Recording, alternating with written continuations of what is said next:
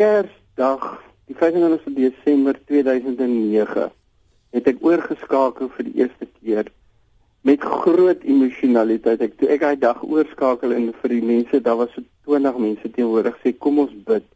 Die een vrou het na die tyd vir my 'n boodskap op Facebook gestuur wat sy gesê het sy het in trane uitgebars want sy het 16 jaar gelede 'n dominee in Afrikaans hoor bid.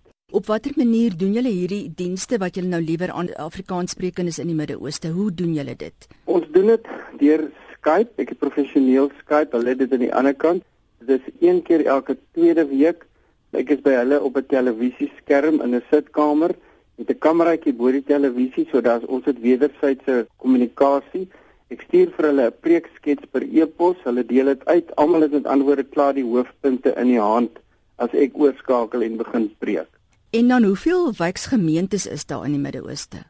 Ons het net die 3 daar. Ek het in ander lande ook al gedoen soos in Kenia en Londen toe en Australië, Korea, Argentinië, maar dit is nie permanente preekpunte nie. Jy het al 'n bietjie terugverwys na die mense hoe bly hulle was om nou weer 'n diens in Afrikaans te kan hoor. Die Suid-Afrikaners wat daar is is meestal mense wat daar werk weens verskeie redes en dis baie keer in 'n moslimland, so hulle het nie regtig toegang tot 'n Christenkerk of dan 'n tipe gemeente wat hulle voel hulle by kan inskakel nie. Is dit hoe dit werk? Dis reg. Die gemeentetjies daar is ek kan nou regtig vir sê dis gereformeerdes, hervormdes, AGS, APK, volle evangelie. Almal het net 'n behoefte om in Afrikaans bedien te word jou moedertaal is jou taal waarin jy graag geestelik wil leer. Dit is almal enige denominasie wil ek sê, maar Afrikaans is die samebindende faktor.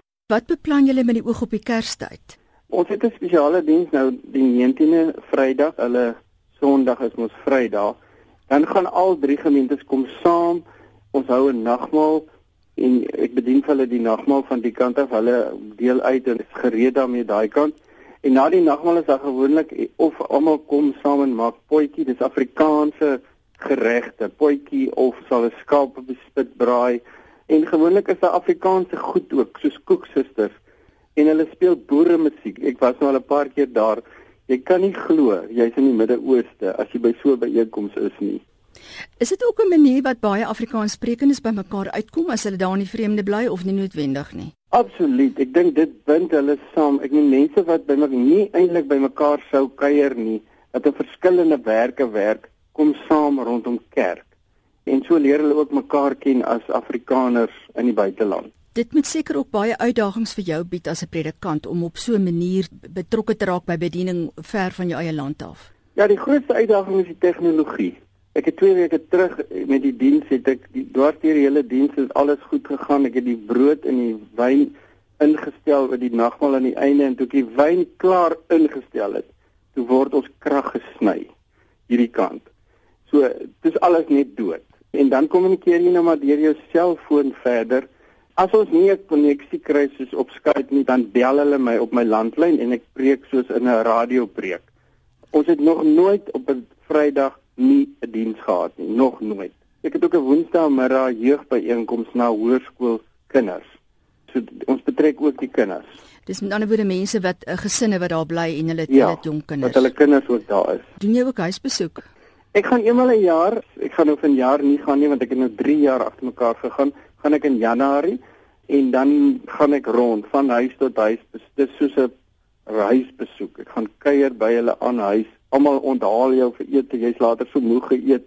Die gasvryheid is net ongelooflik. Word op kollekte gehou. Dit is soos 'n diens. Ons neem kollekte op. 'n Deel daarvan betaal hulle na my oor. Hulle hou 'n deel wat ook my kostes dek as ek oorgaan. Ek sou graag nog net laasens wou sê ons het vier waardes. Ons doen dit in Afrikaans. Dit is Christelik, dit is lewendig en ons doen dit nie as daar 'n Afrikaanse kerk wel in hulle omgewing is nie.